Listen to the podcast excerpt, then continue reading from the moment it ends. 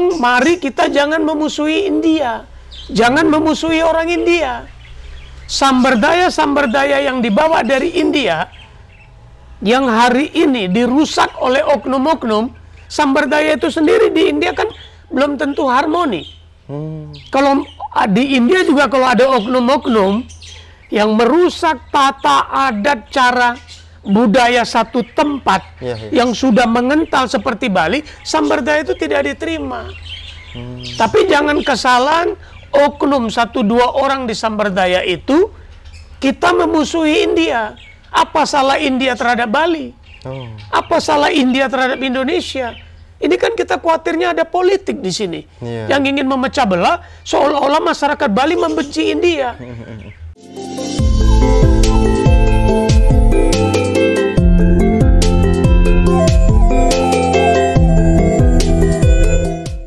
Om Swastiastu, Salam Rahayu, pemirsa Hindu Channel.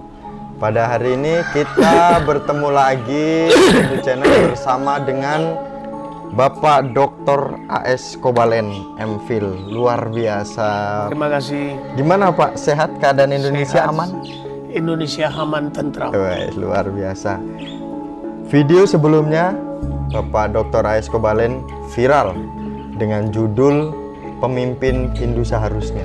Itu viral Pak. Luar biasa. Namun banyak umat-umat Hindu yang memberikan masukan kepada Hindu Channel. Tolong dong Pak Esko Balen angkat itu tentang uh, Bali lagi. Luar biasa beliau ketika benar-benar menegakkan menjunjung baik itu pariwisata baik itu sosialnya baik itu secara keagamaan di Bali. Luar biasa. Kalau dengan statement Bapak uh, Bali Bali Bali Kenapa dengan statement Bali itu Bapak mengangkatnya itu lebih ke Bali? Iya, uh, saya punya alasan tersendiri. Tapi sebelumnya uh, terima kasih kepada rekan-rekan penonton, pencipta Hindu Channel, Hindu Channel. dan di mana pun saat ini kawan-kawan berada, saya terpanggil sepertinya saya layak bicara Bali karena saya bukan orang Bali. Karena kalau hmm. orang Bali yang bicara Bali kadang-kadang bisa menjadi konotasi positif dan negatif. Yeah. Tapi saya netral. Saya bicara Bali karena kekaguman saya kepada Bali. Pertama karena Bali lebih dikenal daripada Indonesia di luar negeri. Yeah. Apa yang terjadi di Bali harusnya tidak terjadi.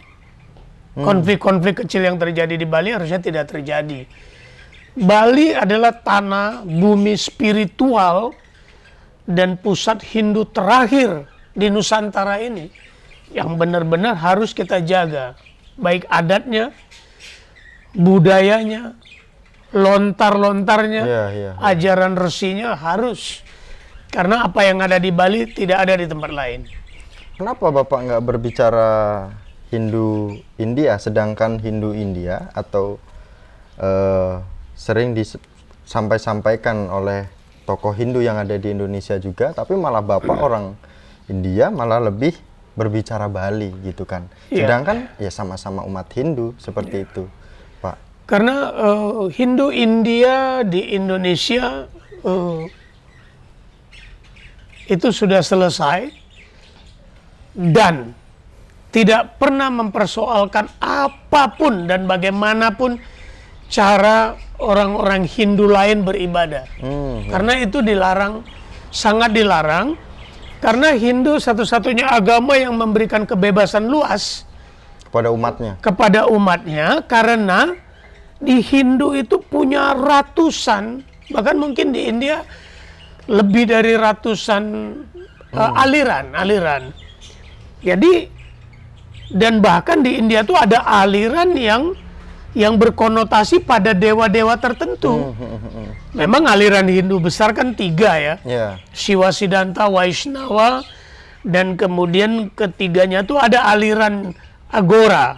Tapi ini kebebasan mereka. Bahkan kalau kita lihat ketika acara Mahakumbha Mela, yeah.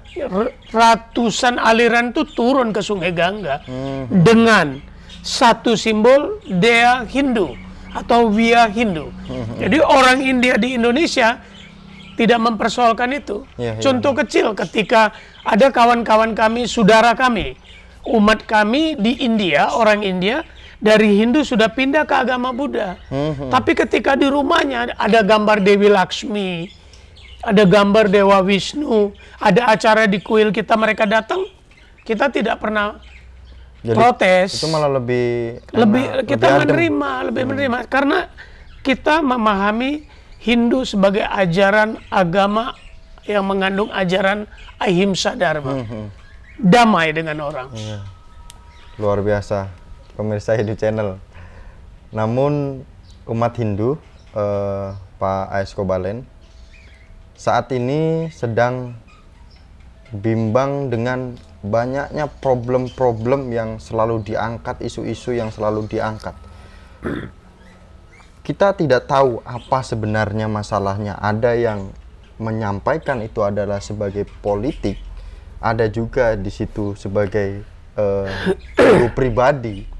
Namun agama yang diangkat, bahkan itu agama kita sendiri, agama Hindu, yaitu Hindu Bali, Hindu India yang disebut-sebut itu Pak Esko Balen mungkin Bapak lebih mengikuti, mungkin lebih memantau panjang tentang sampradaya. Iya. Nah, ini menurut Pak Esko Balen ini apa sih sebenarnya ini? Kalau kita lihat ya kawan-kawan sekalian di mana pun pemirsa Hindu Channel ada, Ya, kita kan salah satu agama yang tergolong jumlahnya kecil. kecil. Kita selalu bangga dengan dua kalimat. Kita jangan berkecil hati karena kuantiti kita kecil, Ya, tapi kita harus bangga dengan kualitas. Tapi kalau kita selalu terpecah dengan hal-hal yang kecil, kita seperti kurang berwawasan. ada kekhawatiran, ada orang-orang tertentu yang ingin memecah belah kebesaran Hindu kita. Kalau boleh udah kecil ini kita tidak bicara Hindu Bali, Hindu India, Hindu itu, Hindu ini. Kita adalah penganut Hindu Dharma. Hmm, ya, ya. Lihat umat-umat lain agamanya kan cuma satu agama. ya, ya, ya. Gitu. Tidak ada mereka menempatkan agamanya dengan tempatnya. Tapi hari ini di Indonesia kalau mau berbicara Hindu, pusatnya di Bali. Kenapa itu? Pusatnya di Bali karena memang di sana mayoritas. Oh, iya, iya. Di sana mayoritasnya. Nah ini harus kita jaga bersama-sama dari golongan mana pun dia Hindunya, dari aliran mana pun dia Hindunya, dari suku mana pun dia Hindunya. Suku terbesar penganut Hindu yang jelas, ini kan orang kita Bali, Iya. orang kita Jawa, India, Kalimantan, ada juga orang-orang Sulawesi, ya kan? Iya. Ini kan satu jumlah, satu satu potensi yang besar yang bisa kita banggakan. Bagaimana kalau kita ke India dengan memakai lima seragam ini? Di India sendiri, kalau ada pertemuan internasional semuanya pakaian India. Satu. Satu, tapi kita muncul dengan lima enam seragam budaya kita. Kalau saya melihat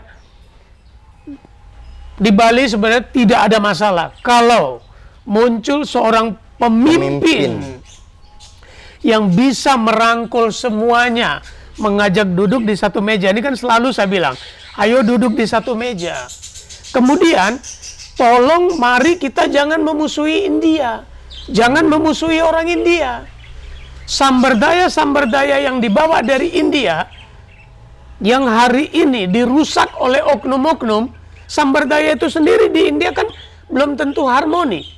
Hmm. Kalau ah, di India juga kalau ada oknum-oknum yang merusak tata adat cara budaya satu tempat Iya, iya. yang sudah mengental seperti Bali, samberdaya itu tidak diterima. Tapi jangan kesalahan oknum satu dua orang di Samberdaya itu kita memusuhi India. Apa salah India terhadap Bali? Oh. Apa salah India terhadap Indonesia? Ini kan kita khawatirnya ada politik di sini Iya. yang ingin memecah belah seolah-olah masyarakat Bali membenci India. Berapa banyak dokter profesor yang mengajarkan di perguruan-perguruan tinggi kita dapat ilmunya dari India. Iya. Memang Weda dari mana? Kata-kata Hindu dari mana? Kemudian kenapa saya peduli dengan Bali? saya kagum dengan Bali karena di Bali itu sebelum masuk resi-resi dari India, para tokoh-tokoh sesepuh kita udah melahirkan lontar-lontar pesan-pesan sucinya. Hari ini kan lontar sedang kita perjuangkan untuk kita amankan, untuk diselamatkan agar tetap ada. Jadi saya mengajak jaga Bali, jangan sampai dipecah belah oleh oknum-oknum agar Bali terpecah, kita menjadi kecil. Siapa yang harus menjaga ini Pak? Pemimpin Bali. Saya terus terang mengajak kepada sahabat lama saya Pak Koster. Hmm, Gubernur Bali. Saya kagumi Anda, teman saya 33 tahun yang lalu. Di Prada, di Parisada, di Prajaniti. Besar harapan masyarakat hari ini kepada Pak Koster sebagai Bali satu netral merangkul semua duduk di satu meja. Sehingga orang melihat Pak Koster adalah pemimpin Bali masa depan. Tapi dengan konflik yang itu, problem yang eh, apa yang ada, apakah bisa didudukan dengan satu meja? Bisa. Orang Bali kita ini orang yang penuh dengan loyalitas, penuh kepatuhan, tapi jangan diganggu harga dirinya. Iya. Orang Bali itu nggak mau diganggu harga dirinya, tidak mau dirusak harkat dan martabatnya. Nah, siapa oknum-oknum yang merusak ini dipanggil dulu secara pribadi. Jangan rusak tatanan Bali karena kan mereka orang Bali juga. Jangan karena pernah ke India tiga bulan, enam bulan pulang dari India, sehari-hari pakainya pakaian India. Terus nggak mau pakai bija, pakainya wibuti, pakainya kumkum. Ketemu orang seolah-olah dia orang India. Masa dia lebih India dari Kobalen? Saya Kobalen lahir besar dengan budaya India. Kalau ke India dalam acara agama, pertemuan Hindu, Hmm. saya pakai pakaian Bali. Walaupun Pak Esko Balen dari Saya orang India, saya tidak perlu pamerkan ke India. Saya Hindu, etnis India nggak perlu. Yang perlu saya pamerkan, saya menjadi orang Hindu dari Indonesia. Saya mewakili Hindu Indonesia. Saya tidak bisa bergabung dengan Hindu yang ada di India dengan nuansa mereka. Ini kita lihat Malaysia. Iya. Malaysia itu ada pakaian Melayu bla bla bla.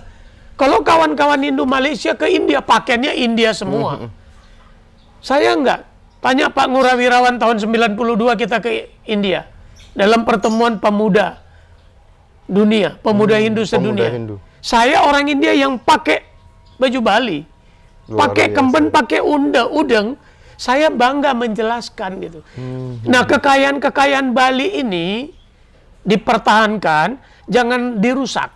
Kemudian pesan saya, saya khawatirnya ada oknum yang membuat kita konsentrasi pada pecah belah ini dan mereka menyusup masuk menguasai Bali.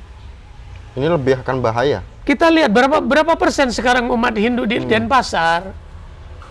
Jangan konsep-konsep Bali dalam genggaman itu menjadi kenyataan. Saya tidak rela Bali didudukan oleh orang lain. Saya orang India tapi saya mau Bali tetap dimiliki oleh orang Bali. Dari segi apa pun. Dari segi apa pun. Luar biasa. Bali harus dipimpin oleh orang Bali, bukan dipimpin oleh Kobalen. harus gitu. Karena karena tidak ada satupun pulau di 17.000 pulau lebih di Indonesia seunik Bali. Kita kurang abang nggak apa lagi gitu. Pak AS Kobalen, semangatnya luar biasa kalau untuk Bali. Nah, inilah tokoh-tokoh Hindu yang harus benar-benar melakukan gebrakan untuk membuat kesadaran umat Hindu kita. Pak AS Kobalen, ada generasi Hindu, ada sumber daya manusia Hindu yang dia mampu memimpin Hindu. Namun ketika dia sudah melangkah dalam kancah eh, politik dan dia memimpin Hindu, seharusnya orang ini sangat bermanfaat bagi Hindu. Namun terkena isu-isu sampradaya dan akhirnya orang ini diisukan ke arah-arah yang tidak baik dan disayangkan umat Hindu kehilangan sosok pemimpin yang luar biasa. Mungkin bisa kita lihat siapa-siapa orangnya, namun dengan hal seperti ini gimana Pak Kobayan? Yang ingin saya garis bawahi dalam hal ini bahwa negara menjamin umatnya, masyarakatnya Hmm. beribadah sesuai dengan agama dan kepercayaannya. Menjamin loh. Jadi sebenarnya kalau dia beragama Hindu tapi dia ikut salah satu sambardaya, Iya. dia ibadah di rumahnya, monggo. yang saya pesan pengaruh samberdayanya jangan dibawa keluar. Hmm, iya, iya. Pengaruh samberdayanya jangan mempengaruhi orang. Pengaruh ajaran samberdayanya jangan merusak adat, istiadat, kebiasaan orang-orang umat Bali yang sudah dilakukan ratusan tahun. Saya kan pernah katakan begini, mungkin ada orang tua kita di Bali tidak pernah baca Weda, Iya. tidak pernah baca Bhagavad Gita, tidak pernah baca sastra-sastra. Tapi dia sudah melakukan, mempraktekkan isi-isi Weda dari dia bangun pagi sampai malam. Namanya mengkidung. Mengkidung. Ini kan mengkidung-mengkidung kita cuma ditutupi nama sang sekretanya Kirtanam. Iya. Nah, maksud saya itu, silakan kawan-kawan Hari Rama Hari Krishna beribadahlah sesuai dengan samberdayanya di tempatnya dengan damai dengan nyaman. Kalau keluar menyebarkan cinta kasih, keluar menyebarkan perdamaian, persatuan. Jangan mempengaruhi, mensakralkan, mengajak kawan-kawan yang sudah juga kokoh di ajarannya. Ini terjadi di Medan. Ada oknum-oknum Kejadian itu. tertentu terlalu fanatik dengan samberdayanya masuk ke rumah ibadah kita bahkan menjelek-jelekkan dewa-dewa lain. Waduh. Ini kan Sangat disayangkan. sayangkan Dewa Krishna begitu agung, begitu bijak, mencegah keributan, berusaha mencegah perang, memberikan kedamaian. Bahkan kalau kita lihat pesan-pesan, ingat loh, Iya. pesan-pesan Sang Krishna yang disimpulkan menjadi 700 pesan yang menjadi 700 sloka dalam Bhagavad Gita hari ini sakral di Indonesia bahkan ada Utsawa Dharma Gita Yang sebenarnya dilakukan Sebenarnya kan- setiap hari. setiap hari kenapa kita nggak bikin Utsawa Weda Utsawa Catur Weda Coba gimana? Gimana cara kita membuka bahwa benar itu sebenarnya kita lakukan, Iya. tetapi tidak kita Iya. sadari. Gimana, Pak? Jadi Escobar? silakan kita, silakan kita memusuhi, memerangi, membenci oknum itu dalam konteks ajaklah, ajaklah bertemu, menjelaskan, menyadarkan, menormalkan, menyatukan. Gitu, Mas. Karena tanpa sadar kita sekarang kalau begitu spontan ditanya anak-anak, apa kitab suci agama Hindu kita jawab beda. Beda. Weda dikonotasikan, digolongkan menjadi pancama Weda, Weda kelima.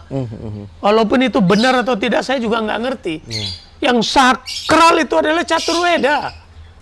Nah, kita membenci samberdayanya, tapi produknya kita pakai. Iya. Maksud saya jangan karena jangan karena kesalahan segelintir orang, oknum-oknum Iya. ya oknum-oknum tertentu kita membenci kebesaran Hindu. Membenci, membenci adalah musuhnya Hindu. Hmm, luar biasa. Hindu bro, Hindu itu hin dan du.